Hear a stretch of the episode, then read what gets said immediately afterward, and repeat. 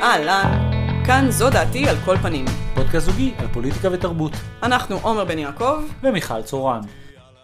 שלום מיכל, מה שלומך? שלום עומר, אני בסדר, מה איתך? מעולה, אנחנו בדיוק חוזרים מהבראנץ' שלנו, נכון? זה הבראנץ' ניצחון, כמו כל הפרוגרסיבים באמריקה. הלכנו לחגוג את ניצחונו של ביידן וקמאלה. זה לא קרה, אנחנו לא עשינו בראנץ', הוא סתם אומר את זה. אבל את יודעת שיש כל הטוויטר באמריקה, כולם כאילו מין, we're having brunch.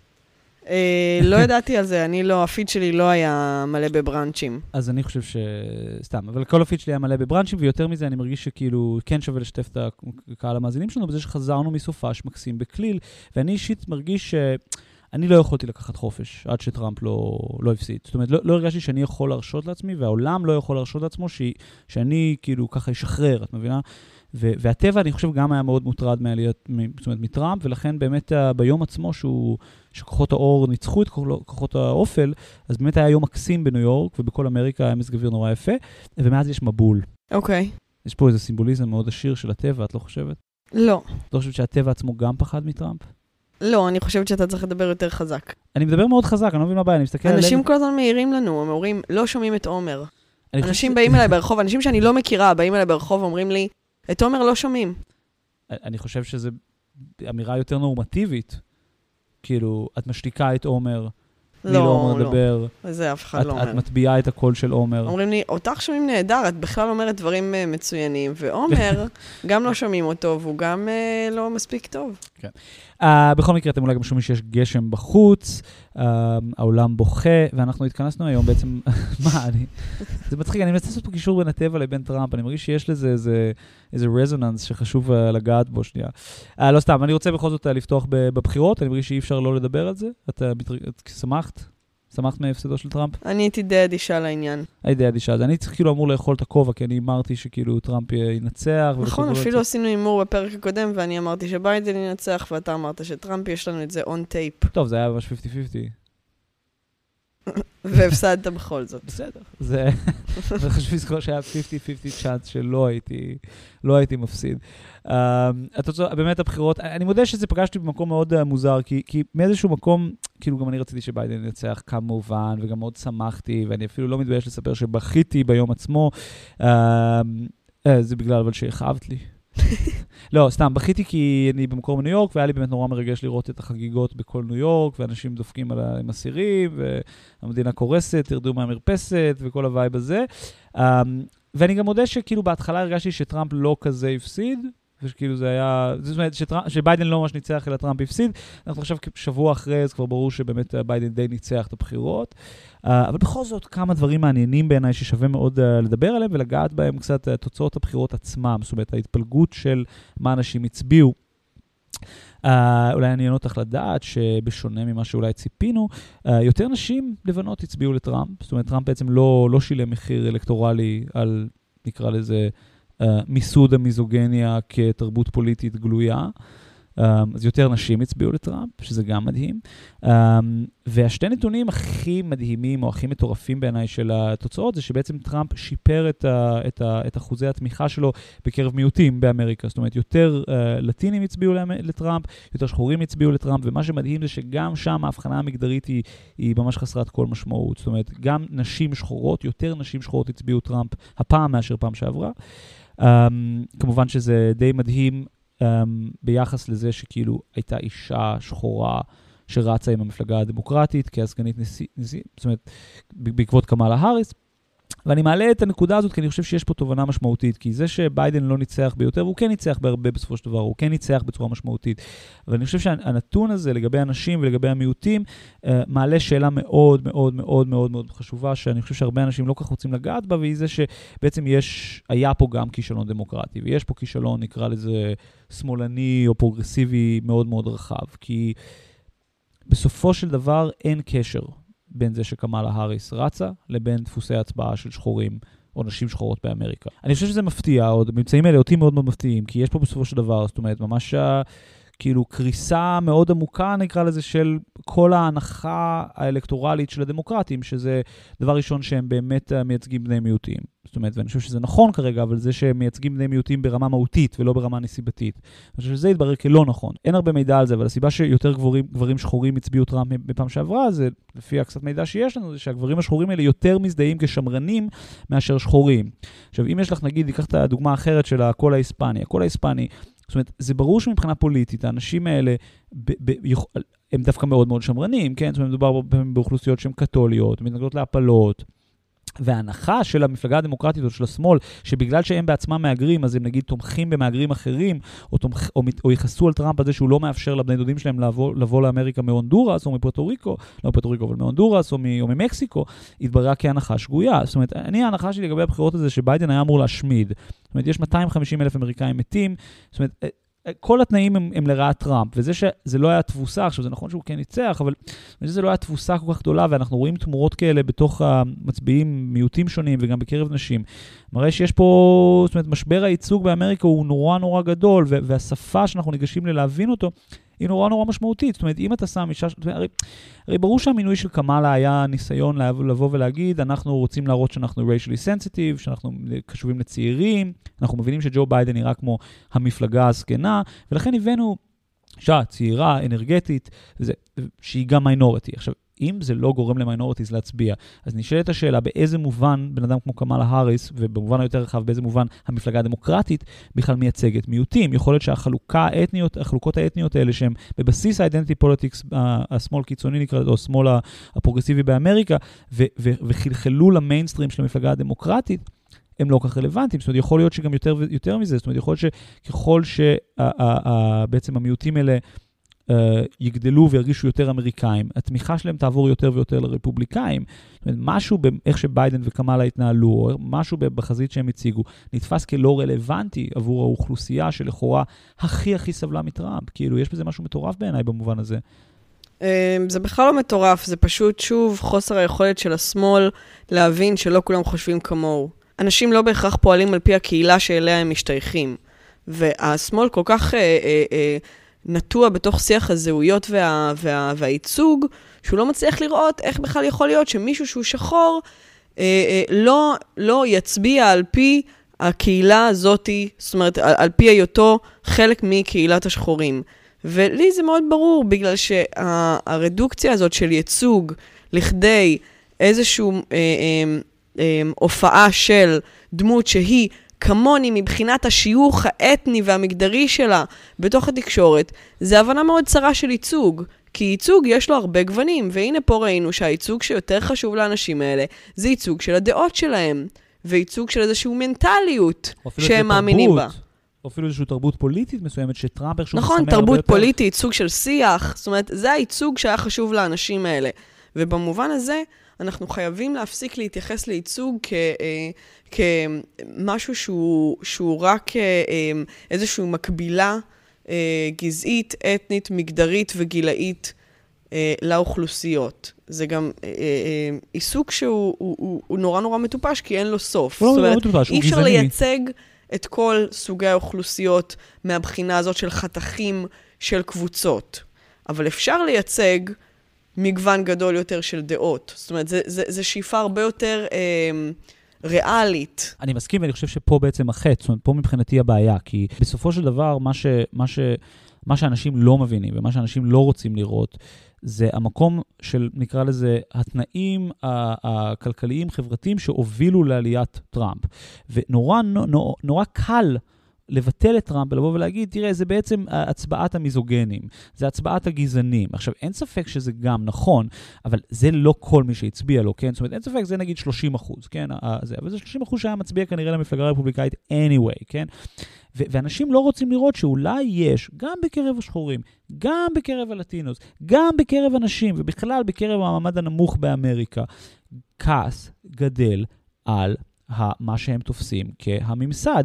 ובמובן הזה, אני חושב ש, ש, שזה כאילו לא פופולרי, או כאילו דוחה להגיד את זה, אבל במובן הזה הבחירות האלה היו שחזור של הבחירות הקודמות. זאת אומרת, זה לא היה, שום דבר לא חדש לא ראינו פה. זאת אומרת, זה היה ניסיון של המרכז של אמריקה, בצורת המפלגה הדמוקרטית, למנוע עלייה של כוח קיצוני. עכשיו, זה נכון שהכוח הזה היה קיצוני מימין, אבל במובן מסוים, אם אתה מסתכל על, זה במונחים של שמרנים מול, נקרא לזה אפילו מהפכנים, או, או, או, או, או ריאקציונרי, או משהו כאילו שהוא אחר וחתרני, הבחירות האלה, טראמפ נשאר הבחירה הרדיקלית במובן מסוים, והם שוב היו הבחירה השמרנית. עכשיו, לי זה מתחבר ל, ל, ל, ליום שטראמפ נבחר, אני דווקא מאוד שמחתי שהוא נבחר, לא כי הייתי בעדו, אלא כי אני באמת מאמין בפוליטיקה. ואני חושב שזה טוב שיש הפתעות. זה נראה לי ממש טוב שסקרים, לפחות אז, שם ב-2016, זה נראה לי עוד מרגש שפוליטיקה יכולה להפתיע.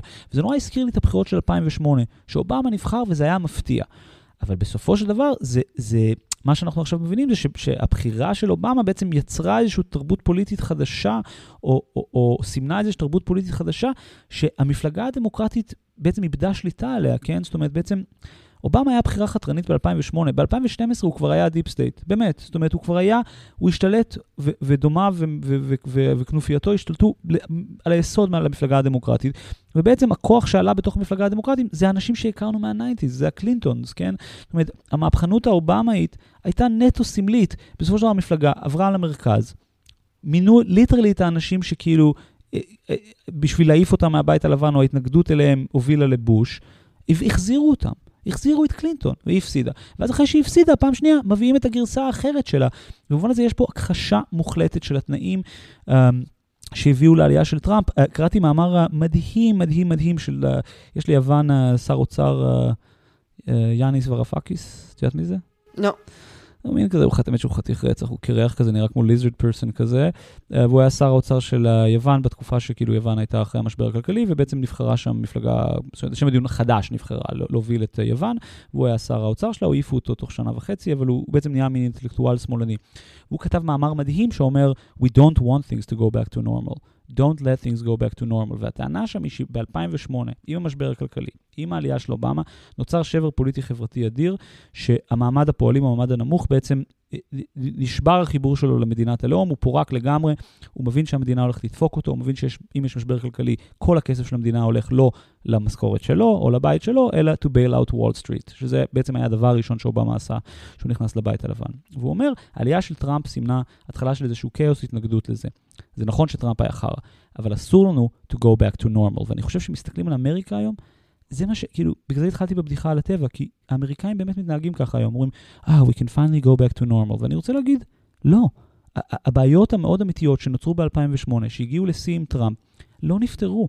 ולמנות את, את, את, את, באמת את המרכז הקלינטוני של המפלגה הדמוקרטית, שעיצבה את כל הפוליטיקה האמריקאית בשנות ה-90, שהובילה אותנו לאן שאנחנו היום, תרבות של הפרטה וכדומה. זאת אומרת, זה לא הפתרון. במובן הזה, לא, זה לא הזמן ללכת לבראנצ'ים. בסדר גמור. ממש הייתי שם באיזה רנט קטן, אה, ביגלס? כן. אוקיי, אני רוצה לספר לך על עוד משהו שקרה בבחירות שבעיניי מתקשר לאותו נושא. האם שמעת על Proposition 22? Uh, שמעתי משהו, כן. שמעת משהו. אז אמריקה במסגרת ה-radical democracy שלה, אז מצביעים לא רק על הנשיא, ולא רק על מושלים, ולא רק על ראשי עיר, ולא רק על סנטורים, גם לפעמים מצביעים על חוקים, או תיקונים לחוק, ובקליפורניה עבר מה שמכונה Proposition 22, ש-Proposition 22 הוא חקיקה, או איזשהו חוק שבעצם נכתב ונדחף על ידי חברות הייטק, ליפט, ויה וכל מיני כאלה, um, עם מטרה מאוד מאוד מאוד ברורה, והיא זה שלא יחייבו אותם להכיר בנהגי Gett, או באנשים האלה שסוחבים את ה Bird ואת ה Wind הביתה, uh, כעובדים שלהם. זה בעצם חוק שאומר, אם אתה משתתף ב gig economy, אתה לא נחשב עובד. והדבר הזה עבר. יש המון ויכוח על למה הוא עבר, כי בעצם זה ברור שזו חקיקה אנטי-חברתית בצורה קיצונית, וקליפורניה בבחירות הקודמות העבירה חקיקה הפוכה. זאת אומרת, אנשים בעצם הצביעו לחייב uh, את אובר ואת ליפט, את כולם מתייחס לאנשים האלה, uh, לאנשים שמרוויחים כסף דרכם, uh, להכיר בהם כעובדים, וה, והתיקון חוק הזה בא בעצם לבטל את הדבר הזה. ועכשיו כל התקשורת האמריקאית וכל השיח באמריקה הוא כאילו מין... נורא ממסגר את הדיון הזה כאיזו סוגיה ליברלית, כן? כי, כי בעצם אומרים, אנחנו לא רוצים אה, למנוע מאנשים להשתתף בגיג אקונומי, כן? את, את, אה, אולי מיכל, את רוצה לעבוד כל היום בעבודה שלך, ואז ככה, בשביל הכיף שלך, ככה להיכנס לאובר באחר הצהריים, לתת עוד משמרת של חמש שעות. את לא רוצה שזה ייחשב העבודה שלך, את הרי את עושה את זה כמהצד, ולא רוצים כאילו לאנוס אותך, לא רוצים לשלול את החופש שלך אה, להיות employed איך שאת רוצה. עכשיו, זו טענה משוגעת, כן? זה מופרך, זאת אומרת, זה פשוט טריק זול בשביל שאנשים לא יקבלו את הזכויות שלהם. והחקיקה הזאת היא כל כך גסה במובן הזה, שזה פשוט בעיניי דוגמה למשהו ש, ש, שהוא כל כך obvious, שאנשים כאילו הרבה מפספסים, שזה הטכנולוגיה מאיימת על ה... על, ה, על השיח החברתי או על, ה, או, על ה, או על הדמוקרטיה בדיוק באותו אופן שכאילו האלי הון וה, של הדור הקודם עשו, כן? זאת אומרת, אין שום הבדל בין החקיקה הזאת לבין זה שכאילו תעשיית הנפט מחוקקת חוקים נגד איכות הסביבה. לשם זה בדיוק אותו דבר, ואני חושב ש, ש, שאם מחברים את זה למה שניסיתי להגיד על יאניס, אז כאילו... זה בדיוק זה, יש משבר ענקי מ-2008, המשבר הזה קשור גם לחברות טכנולוגיה, אנחנו בעצם באינטרנט התפצלנו, מפצלים את החברה uh, לפלחי שוק קטנים שאפשר נורא בקלות לטרגט, אבל במקביל לזה גם החברה עצמה מתפרקת, זאת אומרת, גם מפרקים את החברה, ואני לא יכול למצוא דוגמה יותר טובה מזה, מזה שהמודל התעסוקתי החדש שהאינטרנט מייצר, הוא כזה שעכשיו ברמה חקיקתית הוא אנטי-חברתי. זאת אומרת, וזה, ואנחנו מדברים על חקיקה באמריקה, כן? כבר ככה אין לך זכויות כבר ככה אין לך זכויות, ועכשיו, אם אתה נהג של אובר, יש לך אפילו פחות זכויות. ואני כאילו מין רוצה לבוא ולהגיד, כאילו, מי צריך פייק ניוז? כאילו, מי צריך את כל השטויות שהרשתות החברתיות עושות באינטרנט? תראו מה האנשים האלה עושים במציאות, כאילו, הם פשוט חותרים תחת היכולת של אנשים לקבל עבודה ולקבל ביטוח בריאות, כאילו, די מטורף. כן. אה, אני חושבת שזה לא, לא משהו חדש, אני מרגישה ש... הדבר הזה קיים אצלנו. אמ, הרמה הראשונה שלו הייתה העניין של מלצרים. אתה יודע, מלצרים נכון. כבר מלא מלא שנים בעצם לא מקבלים כסף uh, מהמעבידים שלהם. זאת אומרת, זה לא טרנד חדש שמעבידים מנסים להפיל את התשלום uh, על העובדים שלהם על מישהו אחר. והעניין של הטיפים, וזה שבעצם לקוחות משלמים משכורת uh, על מלצרים, זה דבר שכבר עבר נרמול, ואנשים חושבים שהוא נורא הגיוני, uh, למרות שהוא כמובן לא. והנה עכשיו יש לנו את הרמה הזאת, שאפילו את ה... את ה-healthcare ואת כל הדברים נכון. האלה רוצים גם לא לשלם לעובדים. ואתה יודע מה הרמה הבאה? נו. ספי ריבלין. אה, ספי... ספי ריבלין ב... ב... בדיפ פייק, בפרסומת של, ה... של האגודה למלחמה בסרטן. אני לא יודעת אם כולם ראו, אבל, אה, אבל הייתה פרסומת שעשתה סערה קטנה של אה, ציפי שביט החיה, וספי ריבלין המנוח, שבאמת... אה, נפטר אה, לפני כמה שנים מסרטן אה, גרון. ומתמיכה עקבית בליכוד. מתמיכה, הוא, הוא אגב נורא נורא התעקש כל השנים שהסרטן שלו זה ממשחק.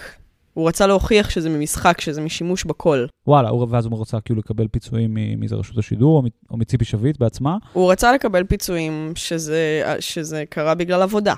רציתי לקשר את זה לעניין הזה של, ה, של התשלום, כי אמנם, אמנם האגודה למלחמה בסרטן לא משלמת לעולם למי שמופיע בסרטונים שלה, וכולם עושים את זה בהתנדבות. וגם כאן המשפחה של אה, ספי ריבלין תרמה את ה... את מה? מה היא תרמה בעצם? אני סקרן נורא. את, את, את הזכות לפנים שלו, כאילו? כן, את השימוש בדמותו. העניין הוא שעוד מעט כבר לא יצטרכו שחקנים אמיתיים, ואז גם להם לא ממש ישלמו. זאת אומרת, יהיה איזה, איזה מין אה, אה, line תשלום חדש כזה, שיהיה אפשר לשלם קצת על השימוש. אבל בעצם אתה לא מגיע ליום עבודה כשחקן. כן, ברד פיט מוכר את הזכויות של עצמו, כמו מדפסת תלת-מימדית. אתה כאילו קונה את, ה, את הפייל של, ה, של הדבר, ואז אתה יכול להדפיס אותו איך שאתה רוצה. כן, ואז אתה גם תוכל להשתמש בהמון שחקנים מתים, שזה יהיה הרבה יותר זול, כי הם מתים, אז בעצם למי יש את הזכויות לאיזה בן משפחה אלכוהוליסט שחי כל השנים על חשבון אבא שלו שעשה הרבה כסף, ועכשיו הוא צריך כל שקל כדי לקנות... אה, לגמרי. לשלם לנושים שלו. אז אני מרגישה שהדיפ פייק, הסוגיה שלא מדובר עליה כמובן, שזה, וזה מושחת, וזה, וזה, אה, אה, אה, אתה יודע, רמה חדשה של, ה, של הפוסט אמת ושל העידן המעוות הזה, אבל מה לגבי המובן הכלכלי של העניין הזה? זאת אומרת, להשתמש בדמויות של אנשים מבלי להביא את האנשים. זאת אומרת, כן. זה עוד לבנה במבנה הזה שבו הקשר בין עבודה לתשלום נשחק. כן, נכון. נשחק. שזה באמת, בגלל זה הוגים עכשיו עסוקים באיך לייצר את העולם הפוסט-קפיטליסטי, כי באמת, זאת אומרת, אין כבר שום קשר בין עבודה לשכר. נכון. גם במובן של אנשים עובדים המון ולא מקבלים מספיק שכר, נכון. וגם במובן הזה של אנחנו בעצם עובדים את עצמנו לדעת, אה, וזה כאילו בשביל איזו משמעות בחיים, וזה בעצם מה שמאפשר את זה שיעבידו אותנו. אני חושב שזה מה שיאניס ורופאקיס מתכוון שהוא מדבר על 2008, ש- ש- שהמשבר או הבעיות או המתחים שהיה בתוך הקפיטליזם תמיד היו שם, אבל המשבר שנוצר ב-2008 הוא, הוא, הוא בדיוק הניתוק בין, ה, נקרא לזה, השבר הבסיסי של החוזה של המדינת לאום והקפיטליזם. שאם אתה עובד, ואם אתה, נקרא לזה, באמת משתתף בחברה, אז אתה מקבל איזושהי תמורה ואיזושהי רשת ביטחון. ואני חושב שמה שאנשים מפספסים, ומפספסים בענק לגבי טכנולוגיה, זה כמה היא מרכזית בדבר הזה. אפילו תחשבי כאילו מה הביקורת על סושיאל מדיה בהקשר פוליטיקה. פייק. הבעיה היא לא הפייק. הבעיה היא זה שיש היום מצב שבו הם בעצם פילחו את כולנו ברמה שאפשר לטרגט אותנו עם תכנים שונים, וזה נכון כלכלית וזה נכון פוליטית. עכשיו, אתה לוקח את זה צעד אחד הלאה.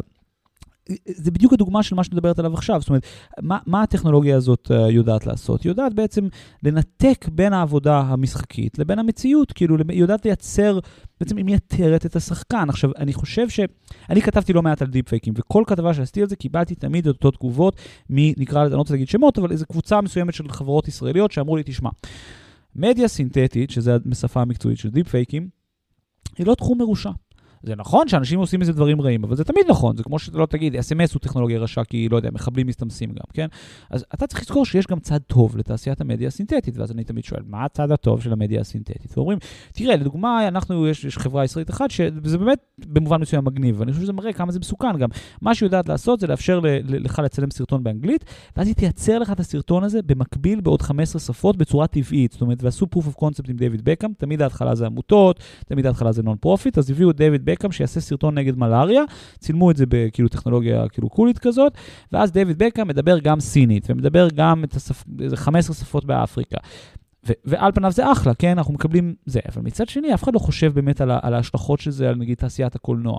זאת אומרת, זה לא חוסך כסף לצילומים באנגלית הרי, זה חוסך כסף לצילומים במדינות זרות, כן? זאת אומרת, זה יפגע, זאת אומרת, זה, זה ברור הרי שכל התעשייה הזאת עדיין תקרה נגיד באנגלית, כן? פשוט עכשיו לא יהיו יותר שחקנים שנגיד שחקן מצליח מניגריה לא יוכל לבוא ולעשות דיבובים, נגיד. כאילו זה פוגע רק במקומות החלשים, וזה, וזה ממש מייתר לגמרי, לגמרי, לגמרי ענפים, ענפים שלמים במדינות שלמות. וזה ממוסגר כתוצאה חיובית, כן? כי זה חוסך לתאגידים המון כסף. כאילו, פעם היו צריכים לצלם 15 סרטונים, והיום אפשר לצלם רק אחד, ואתה אומר, אוקיי, יש פה איזו התייעלות, אבל כאילו, אף אחד לא רואה את המקום הבאמת מסוכן הזה, כאילו אף אחד לא רואה, וזה אין לזה שום קשר לכאילו פוליטיקה. זה ממש נטו זכויות עובדים או נטו עניין של עבודה. ואני חושב שבמובן הזה, זה מה שטכנולוגיה המון פעמים עושה. אני חושב שפשוט כאילו, זו דוגמה נורא יפה לזה. כאילו, זו דוגמה נורא נקייה לאיך הגורמים האלה באמת חותרים תחת התנאי האפשרות הבסיסיים ביותר לקיום חברה. אני רציתי לדבר על אה, איזושהי תופעה שקראתי עליה קצת, ועכשיו אה, מאוד מתייחסים אליה בתקשורת, שזה בעצם... אה, הכוכבים החדשים, אה, בעיקר של הנוער, הכוכבים החדשים ביוטיוב. כי בסדר, אנחנו וההורים שלנו, ו, ואולי אנשים קצת יותר צעירים מאיתנו, עדיין צורכים uh, את התוכן שלהם מה, מהטלוויזיה ו, ומהמדיה החברתית, אבל um, הדור של הילדים, ואני רואה את זה, גם אצל האחיינים שלי, צורך את, את התוכן שלו ביוטיוב. זאת אומרת, הם כבר יודעים איך לבקש מאבא או אמא את, ה, את האייפד או את הזה, וממש להגיע לתכנים. עכשיו, ילדים רואים דברים מאוד שונים ממה שהיה פעם, ובעיניי זה דבר קצת מפחיד. למשל, ה top אה, אה, יוטיוברים הכי משפיעים היום, שיש להם הכי הרבה צפיות, נע בין אה, ילדות שפותחות מתנות, ממ. ילד שעושה ביקורת צעצועים, וואו. ילדים שעושים commentary ל gaming, כן, למשחקי וידאו שכן, שהם משחקים, ו, ו, וכל מיני אה, אה, ילדים רוסים הרבה פעמים, ש... ש uh, לא יודע, טסים לחו"ל, או זאת אומרת, מין משהו שהוא קצת הדמיה של, uh, של החיים הטובים שאנחנו רואים נגיד באינסטגרם. פשוט mm. אצל ילדים קטנים. וואו. מה זה, ילד שכאילו ההורים שלו מטיסים אותו לחו"ל והוא עושה מין סרטוני תיירות, או כאילו מין בילו... כן, איזו ילדה כזאת, היא מאוד נסיכתית כזאת במלון, והיא מקבלת מתנות, והיא פותחת אותם, ויש לה מין חיים מושלמים כאלה. אה, זה ממש כמו באינסטגרם, שאתה כאילו מסתכל על אנשים אחרים, ואתה אומר, וואו, כמה כיף ל... בדיוק. עכשיו, אני זוכרת תקופה שבה היה המון דיבור, תמיד יש איזה עניין במה ילדים צורכים ואיך זה משפיע עליהם. והיו המון שנים שה, שהנושא שם היה אלימות, נכון? בטח. זאת אומרת, ומין. ילדים צרכו אלימות ומין, וזה נורא מפחיד. ואי אפשר לדעת מה יש ביוטיוב ומה יש בטלוויזיה. זה עוד לא היה יוטיוב, אבל כן. נכון, אבל, אבל בטלוויזיה. זאת אומרת, נכון. זה היה הסיכון של הטלוויזיה. בטלוויזיה יש אלימות ומין, וצריך נכון. להגביל את זה, וצריך שהם לא ייחשפו לזה. והיום אותם הורים יכולים להיות מאוד רגועים, כי אמנם יש אלימות ביחסית בדברים האלה, אבל, אבל מה שבעיקר מצליח זה דברים שאין בהם, אה, בהם אלימות ולא מין, והכול מאוד אה, אה, אה, אה, צמר גפני ורגוע, וההורים האלה יכולים להירגע. אני באופן אישי, חייבת לומר שאני מעדיפה את האלימות והמין. כן, אני מסכים איתך. הדבר הזה שיש היום הוא הרבה יותר מסוכן, כי בעצם זה מגדל דור של ילדים שהם צרכנים. זאת אומרת, הצרכנות מתחילה כבר בגיל שלוש, כשנותנים להם איזושהי פנטזיה של ה-unwrapping הזה. זאת אומרת, כן. שכל הזמן יש מתנות, ואת כל הזמן אתה מקבל, ואתה... ואתה, ואתה פותח את זה, האריזות, זאת אומרת, הפטישיזציה הזאת של החומר ושל, ה, ושל המשלוח בדואר, ולפתוח את זה, ול, ולראות מה זה, ולראות אם אחותה קיבלה גם כזה, ובאיזה צבע, ויש בזה משהו שבעיניי הוא מעוות לחלוטין, וזה גם הרבה יותר משפיע בעיניי על ילדים. מאשר אותה אלימות. אני מסכים איתך. שהם רואים וכביכול משכפלים ברחוב, אבל זה דבר שהוא ממש תרבות. אה, והוא תרבות שהיא הרסנית, וממש רואים את זה גם היום אצל ילדים, איך שהם מתייחסים לרכוש, ואיך שבאמת אין כבר ערך לצעצוע, כי מחר יגיע צעצוע חדש. וה, והריבוי בגדים הזה, ו, ואני חושבת שזה ממש משהו שהוא, שהוא, שהוא מסוכן באמת. אני חושב שיש פה עוד משהו שאני ראיינתי לפני איזה חצי שנה, או טיפה יותר, שנה כבר, וואו. פילוסוף אינטרנט נורא מעניין בשם אה, לב מנוביץ', ולב מנוביץ' סיפר לי משהו, נתן לי, שמעת, הוא העלה טענה נורא מעניינת. הוא אמר, אני לא הבנתי טכנולוגיה עד שלא הגעתי לדרום קוריאה. אמרתי לו, מה זאת אומרת? אז הוא אומר, דרום קוריאה היא במובן מסוים הסוכנת האסתטית הכי משמעותית שיש היום, כי הם בעצם יוצרים את כל המצלמות שלנו. כל המצלמות של סמסונג וכל מיני דברים כאלה. והוא אומר, אתה רואה שם את הקשר בין המצלמות שהם מייצרים לבין האסתטיקה שנוצרת שם. ואז הוא אמר לי דבר מטורף, הוא אמר לי, they are a Photoshop society. הוא אומר לי, זה חברה של תמונות אילוסטרציה. אנשים מתקנים את עצמם בשביל לראות יותר טוב. הוא אומר, זה, זה, זה הבירה בעולם של ניתוחים פלסטיים לדוגמה. הוא אומר, אני מזהה קשר ישיר בין האובססיה שלהם לאסתטיקה, וזה שמייצרים טכנולוגיה של, שמייצרת אסתטיקה מסוימת, לבין התרבות שלהם. ואני חושב שמה שאת מדברת עליו הוא בעצם אותו דבר. כי הילדים האלה, מה שהם רואים, זה תרבות של שלמות, של צמר גפן, של, של יש ילדה אחת שהחיים שלה באמת מושלמים, והיא באמת נסיכה.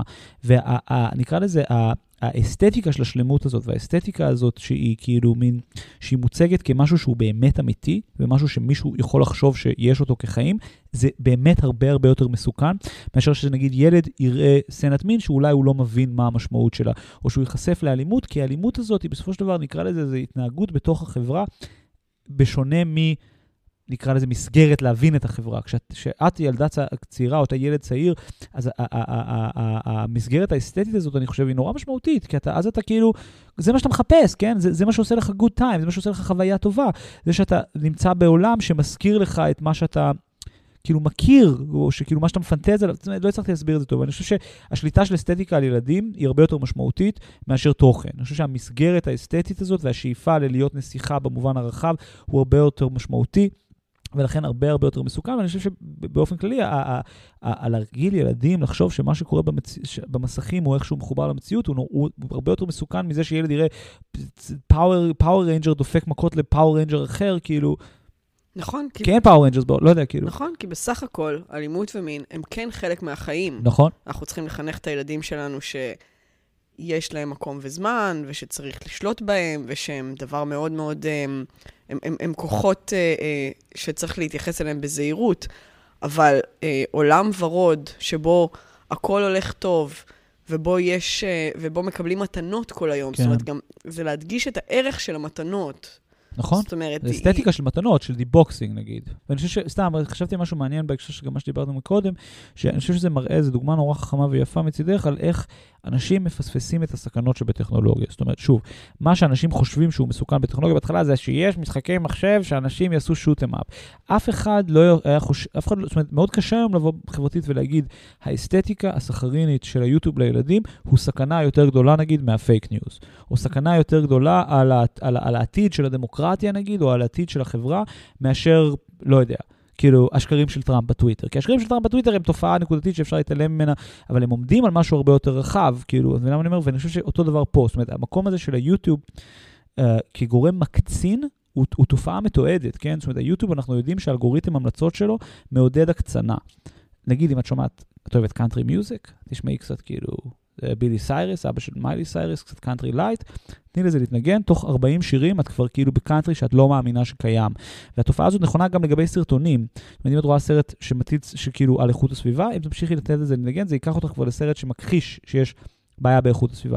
ועכשיו, בואו ניקח את הדבר הזה לילדים. זאת אומרת, את שמה סרט מלמלות, את מבינה מה קורה תוך 15 מלמלות, תוך 15 סרטונים, זה הולך כבר למקומות ש- שאנחנו באמת לא מכירים. זאת אומרת, זה כבר נהיה הזיות ASMR יפניים, של דברים שהם באמת באמת דפוקים, שאנחנו לא יודעים להגיד עד הסוף מה המחיר הפסיכולוגי שילדים משלמים על זה. רק על ההקצנה הזאת, כן? רק על זה שהמתיקות שהם התחילו איתה נהיית יותר מתוקה, יותר מהר ויותר מהר. ואני חושב שיש פה משהו באמת כמו drugs, כאילו. אנשים לא, נגיד, בחיים לא היום מדברים על המחיר של ההקצנה של האלגוריתם של יוטיוב על ילדים. חושבים על זה רק בהקשר של דאעש. אבל עזבו דאעש שנייה, כאילו, זה נכון גם לגבי ילדים שרואים סרטוני אנבוקסינג, כאילו, זה נכון לגבי וזה באמת מסוכן. כן, אני ממש חושבת שזה מסוכן. Uh, הדבר uh, הבא שרציתי לדבר עליו זה, uh, זה התהליך שעכשיו uh, עוברת מערת המכפלה. אתה מודע לדבר הזה? מה? איזה תהליך עוברת מערת המכפלה? מערת המכפלה קיבלה סוף סוף אישור מנפתלי בנט לעבור תהליך שיפוץ של הנגשה לבעלי מוגבלויות. נכון מאוד, זה באמת מצחיק, אבל זה גם מאוד עצוב. זה תהליך ש... עם הנצח לא מפחד מרמפות נגישות. ממש כך.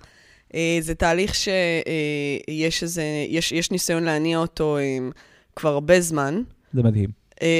ועכשיו סוף סוף הוא קיבל אישור, היו הרבה דחיות של זה והיו הרבה התנגדויות, כי בגדול המתנגדת העיקרית זאת עיריית חברון.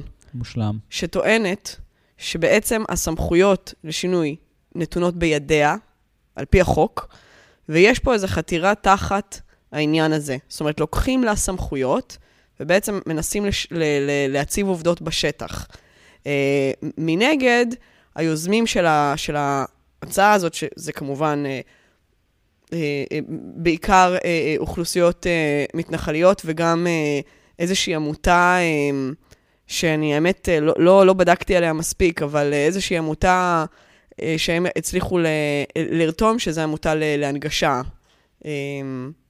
שאני לא יודעת בדיוק מה האג'נדה שלה פה ולמה היא מעורבת בתוך העניין הזה. Uh, עכשיו, אני, אני באמת חושבת שזו דוגמה ממש מצוינת, וזה גם משהו שדיברת עליו קודם. זו דוגמה מצוינת למוטציות שנולדות כשמשלבים uh, פשיזם עם שיח ליברלי. נכון. Uh, uh, באמת, זאת אומרת, uh, uh, uh, זה שנפתלי uh, בנט אומר, מי שמתנגד לזה זה מפלצות. עכשיו, אני רוצה למנוע מהנכים למה... ללכת לראות את, במי, את ארץ מי, אבות. מי יכול להיות נגד הנגשה? אני. זאת אומרת, לא, אז אתה מבין? אז הוא בעצם משתמש ב, ב, ב, בדבר הזה ואומר, פעילי זכויות אדם, הם בעצם צבועים, הם בעצם מפלצות, כי בעצם, הוא, הוא, אם, אם אתה מציג את זה ככה, אתה אומר, מי יכול להיות נגד הנגשה לנכים? זאת אומרת, זה הדבר הכי בסיסי שיש, שזה באמת, שוב, וזה הכי אה, אה, אה, זה הכי מייצג את העידן שאנחנו חיים בו, השימוש ממש. של הימין ושל הכוחות האלה, בדיוק בשיח הליברלי, שזה רק טיעון אחד ללמה צריך מאוד מאוד להרגיע איתו, כי הוא באמת כלי שרת מדהים ונהדר, שיכול להפוך כל טיעון על ראשו. מה שמדהים זה שאני חושב שישראל היא, אני נחשפתי לזה, יש לי ידידה עם, זאת אומרת, עם, עם בעיות נגישות. והיא טוענת, אה, זאת אומרת, היא גרה בחו"ל הרבה שנים, והיא טוענת שבאמת המצב בישראל באמת מחפיר, בכל נכון, פעם. נכון, זה באמת מצב גרוע. לא, ברור לי שזה מצב גרוע. עכשיו, המתנחלים טוענים שזה ייטיב גם עם, ה, עם הפלסטינים, כי כמובן שיש המון פלסטינים שרוצים להגיע, להתפלל במערת המכפלה, והם בעלי מוגבלויות, שזה כמובן נכון. ברור, כי אנחנו מכוונים לברכיים, אז יש הרבה אנשים... נכון, אבל הם שכחו ל... אה, אה, הם, הם השמיטו את העובדה שיש כניסות נפרדות כבר, כבר מאז... כבר מאז המקרה של אה, ברוך גולדשטיין, עשו כניסות נפרדות למקום. ו- ובוא נגיד שלא נראה לי שהם uh, uh, ימהרו לעשות את זה גם בכניסה של הפלסטינים, ונראה לי שאחרי העבודה על הכניסה של, ה- של, של ישראל, אז העבודה פתאום, אופס, תיפסק כן, לה. זה, זה, uh, זה, אח... זה מה שאני רוצה להגיד, שכאילו, אני חושב שהדברים האלה, מה שתמיד מצחיק זה שנגיד, יש מצב, נגיד, שבאמת, נגיד, הכותל לא נגיד. זאת אומרת, הדברים שהם כאילו בתוך המיינסטרים, זאת אומרת, לאף אחד לא מפריע שכאילו שם אין הנגשה. זאת אומרת, נגיד, זה לא שסיימו את המפעל ההנגשה של מדינת ישראל. אני חושבת שגם פה לא מפריע לאף אחד שאין הנגשה. 아, ברור. ובטח לא ש... למי שמניח את המהלך הזה. זאת אומרת, זה אחד הדברים הכי ציניים שאני נתקלתי בהם בזמן האחרון, כי בבירור זה הרצון ליטול את הסמכויות מעיריית חברון. זאת אומרת, לייצר איזה משהו בעצם לעשות התערבות במבנה, שאגב, גם אדריכלים מצרים על הדבר הזה, כי זה כנראה משמיד מבנה שהוא באמת, מה זה, מה זה האם אימא של המבנים לשימור? זאת אומרת, זה מבנה עתיק שיש לו איזושהי חוקיות, וזו התערבות מאוד מאוד גסה בו, שגם נעשית בצורה כמובן שלא לוקחת בחשבון את, ה, את הייחוד ואת החשיבות של המבנה העתיק וה, וה, והמאוד מאוד משמעותי הזה. אז זה פשוט ניסיון לדריסת רגל, להתערבות, למשהו שאחרי זה הוא פשוט יהיה אד הוקי, ו- ויעשו איזה מבנה ויעשו איזה שינוי. אני חייב לתקן אותך, אני חושב שאת טועה. בשונה ממה שעיריית חברון רוצה לטעון, אני חושב שיש פה משהו הרבה יותר מטונף מזה. אין פה ניסיון להפעיל כוח על עיריית חברון, עיריית חברון לא מעניינת נפש חיה, אה, עירייה שקיימת בזכות אה, כוחות הכיבוש, זאת אומרת, זה לא איזה משהו, זאת אומרת, קריית ארבע, זה, זה בדיחה. אמ, לא, זה ניסיון לנכס את המבנה הזה ובסוף להשיג בו שליטה. לא, זה ניסיון להשיג נקודות פוליטיות בדיוק מאוכלוסייה שאנשים לא חושבים שהיא קיימת, ואת צודקת, שזה פשיסטים ליברליים. זאת אומרת, בנט רוצה לקלוע, להראות לאנשים, אני מקדם את ההתיישבות בארץ ישראל, אני מקדם את הקביעות של ההתיישבות בארץ ישראל, ואני עושה את זה בצורה שאני כהייטקיסט פשיסט חושב שהיא נכונה, שזה הרחבת אה, זכויות אה, ליברליות למתחם הזה. זאת אומרת, זה שזה קורה בתוך... באמת מקום ש, שגם אם אתה איש ימין ולא מקבל את המונח אפרטהייד, אתה חייב להכיר בזה שחברון היא עיר אפרטהייד. זאת אומרת, יש בחברון שתי מערכות חוק, יש שתי, זאת אומרת, יש שתי, זאת אומרת, העיר מפוצלת, ומי שהיה במערכת המכפלה, זאת אומרת, זה פשוט רואים את זה, כן? זאת אומרת, אתה הולך שם, זה בחלק היהודי של העיר, יש גדרות, ואנשים לא יכולים להיכנס. והשועדה, הרחוב הזה, זאת אומרת, מת. זאת אומרת, זה באמת, זה, זה אחד מהמקומות הכי וולגריים. ולכן אני חושב שחברון היא בירת, ה, בירת ישראל כאפרטהייד נאור. זאת אומרת, זה בדיוק הדוגמה, זה אפרטהייד נאור. תראה, אני חושב שזה לא מפתיע אותי שיש, uh, נכנס לסיפור הזה גם איזה גוף, uh, נקרא לזה גוף נכים, איזושהי עמותה. יכול להיות שזו עמותה ימנית, uh, ויכול להיות שלא. יש בשנים האחרונות uh, מהלך מאוד, מאוד, נקרא לזה רשמי, או מאוד מפוקס ומודע של הימין להיכנס לתוך החברה האזרחית. זאת אומרת, החברה האזרחית פעם הייתה באמת נחלתו של השמאל, היה לנו מלא עמותות, ואני חושב שהם השכילו להבין שהם צריכים גם think tanks, גם מכוני מחקר, גם עמותות, ויש היום כל מיני עמותות, נגיד נווה דרומי שכותבת בארץ, כאילו הכותבת הימנית של מדור דעות של הארץ, יש לה ארגון שנקרא זכויות אדם כחול לבן, שזה באמת זה מדהים, זאת אומרת, אתה, רוצה, אתה צריך לעשות זכויות, זכויות אדם, כן? נכון, זכויות אדם זה דבר, דבר אוניברסלי, רק עושים אותו בשביל ישראלים. זאת אומרת, חשוב שגם לישראלים יהיה זכויות אדם. זאת אומרת, מאוד חשוב שכאילו כשיש זכויות אוניברסליות, לוודא שרק אתה מקבל אותם. White Lives Matter. White Lives Matter, בדיוק. מאוד מאוד חשוב שנשים yeah. לב אליהם. לא, זה, זה, זה, זה דבר מדהים. לא, זה גם, גם, גם, זה במובן הזה, זאת אומרת, זה, זה, כאילו השקר הוא, הוא בתוך הכותרת, זאת אומרת, זכויות אדם, כחול לבן. זאת אומרת, זה, זה, זה, זה, זה, לא, באמת, זה דבר מדהים. אז כאילו, ארגון ימין uh, שיודע ליצור uh, קשרים עם ארגוני נכים, או אפילו זה שיהיה ארגון נכים דתיים ימנים, לא מפתיע אותי, ואני חושב שזה בדיוק נוגע במה שמדברת עליו. שיח הזכויות, שיח זכויות האדם, שיח האוניברסליות הזאת, נורא, נורא, נורא קל לנצל אותו בשביל לצרכי פשיסטים. זאת אומרת, באמת, מי יכול להתנגד לזה שמערת המכפלה תהיה נגישה? דרך אגב, אני הייתי במערת המכפלה, ולפי דעתי היא נגישה. אני, לא, לא אומר את זה כבדיחה עכשיו. יש רמפה ענקית בכניסה, אני זוכר. לא, אבל עכשיו שמים מעלית. אה, עכשיו שמים מעלית. תראה, הזכות למעלית היא זכות זכות אדם בסיסית, מיכל. נכון. זה שיש שם פלסטינים שאין להם זכות לפרנסה, אין להם זכות לתנועה, אין להם אפילו אזרחות. כן, הפלסטינים בקושי יכולים להגיע לשם עם האוטו, אז, אז לדבר איתם על מעליות לא, לא, זה שנייה. ממש מצחיק. אם את לא היית שם, זה, זה, זה חשוב להבין את הדבר הזה, זה לא הפלסטינים לא יכולים להגיע לשם עם האוטו. חברון היא עיר אפרטהייד, יש גדר כמו, זה המקום, במובן הזה, היחיד במדינת ישראל שנראה כמו הסטריאוטיפ מחו"ל. רוב המדינת ישראל, נקרא לזה הכיבוש או האספקטים האפרטהיידיסטים, הם לא גלויים, הם נורא סמויים, אתה לא יכול לראות, נקרא לזה, זאת אומרת, את, את, את, את, את המערכת הכוחות האלטרנטיבית שחלה ערבים כשאתה נוסע במשולש. בחברון אתה כן. כמו במזרח ירושלים, אתה פשוט רואה שיש שתי מערכות חוקים, שתי מערכות, שתי סדרים. הקיום של משפחת גולד, ברוך uh, מרזל למשפחתו, ומשפחת לוינגר שחיות בחברון, ואתה יכול פשוט לבוא ולדפוק להם על הבית ועל הדלת, לא זהה למציאות של הפלסטינים, והסיבה היא שיש אפרטהייד מבני שמונע מהם. ולכן, נקרא לזה העיסוק במערת המכפלה, כי זה מקום שחשוב להכיל עליו איזשהו שיח זכויות, הוא באמת קורע מצחוק, אבל הוא גם דוגמה נורא עשירה לאיך אין שום קשר בין השיחים האלה. יכול להיות שמדינת ישראל צועדת להיות המדינה הכי פרוגרסיבית, נגיד בהקשר של uh, פרוות באופנה, נכון, דיברנו על זה, לא יהיה פה ניצול של פרוות. כן. אנחנו צועדים להיות המדינה הכי נגישה בעולם. אנחנו לא, אבל נגיד. זאת אומרת, אה, אה, ועדיין יש אפרטהייד ברמה שיש כאילו חלק ענקי מה, מהאוכלוסייה שגרה בשטח פה, שלא מיוצגת אה, דמוקרטית. כן, שלדבר איתם על נגישות זה, זה, זה בדיחה גדולה מאוד, בגלל שנגישות מבחינתם זה לא רק שביל לכיסא גלגלים, זה, זאת אומרת, נגישות... אין להם חופש תנועה. בדיוק, זאת אומרת, זה ממש נגישות לחיים נורמליים ולהתנהלות לא. במרחב. כן, אין להם חופש פעולה, אין להם חופש במובן, אין להם זכויות אה, אדם או אזרח בסיסיות, ולכן זה ענק לריב על הזכות, נקרא לזה, זה קצת פרובוקטיבי להגיד את זה ככה, אבל על, על הזכות הפריבילגית של בן אדם בכיסא גלגלים יהודי מהשטחים, מתנחל, נכה, על הפריבילגיה שלו לגשת למערת המכפלה. עכשיו, מצד שני, מערת המכפלה היא מקום באמת מדהים, זאת אומרת, מקום נורא יפה ונורא מעניין, אבל, אבל, אבל זה, זה בעיניי שיא הצביעות, כי ברור שמדינת ישראל לא הולכת לשום מקום של הנגשה. יש, עבר לפני כמה שנים חוק ההנגשה שמחייב שכל אתר באינטרנט יהיה, יהיה נגיש ל, ל, לחרשים וזה. את יודעת מי האנשים שהכי פחות צייתו לחוק הזה? זו תופעה מדהימה, אתרי ממשלה. את יודעת שהאתר של רשות העתיקות הופל, הם הפילו לעצמם את האתר, אתר רשות העתיקות, האתר שאחראי על המורשת של ארכיאולוגיה במדינת ישראל, אחד מהבירות הארכיאולוגיה של העולם. פשוט הפילו את כל הדוחות הארכיאולוגיים, הפילו את כל ה-case files שלהם, כי לא הספיקו להנגיש את זה. עכשיו, זה לא שנגיד החוק הזה עבר ארבע שנים לפני שהיישום שלו זה, בשביל שלאנשים יהיה ארבע שנים ליישם את זה.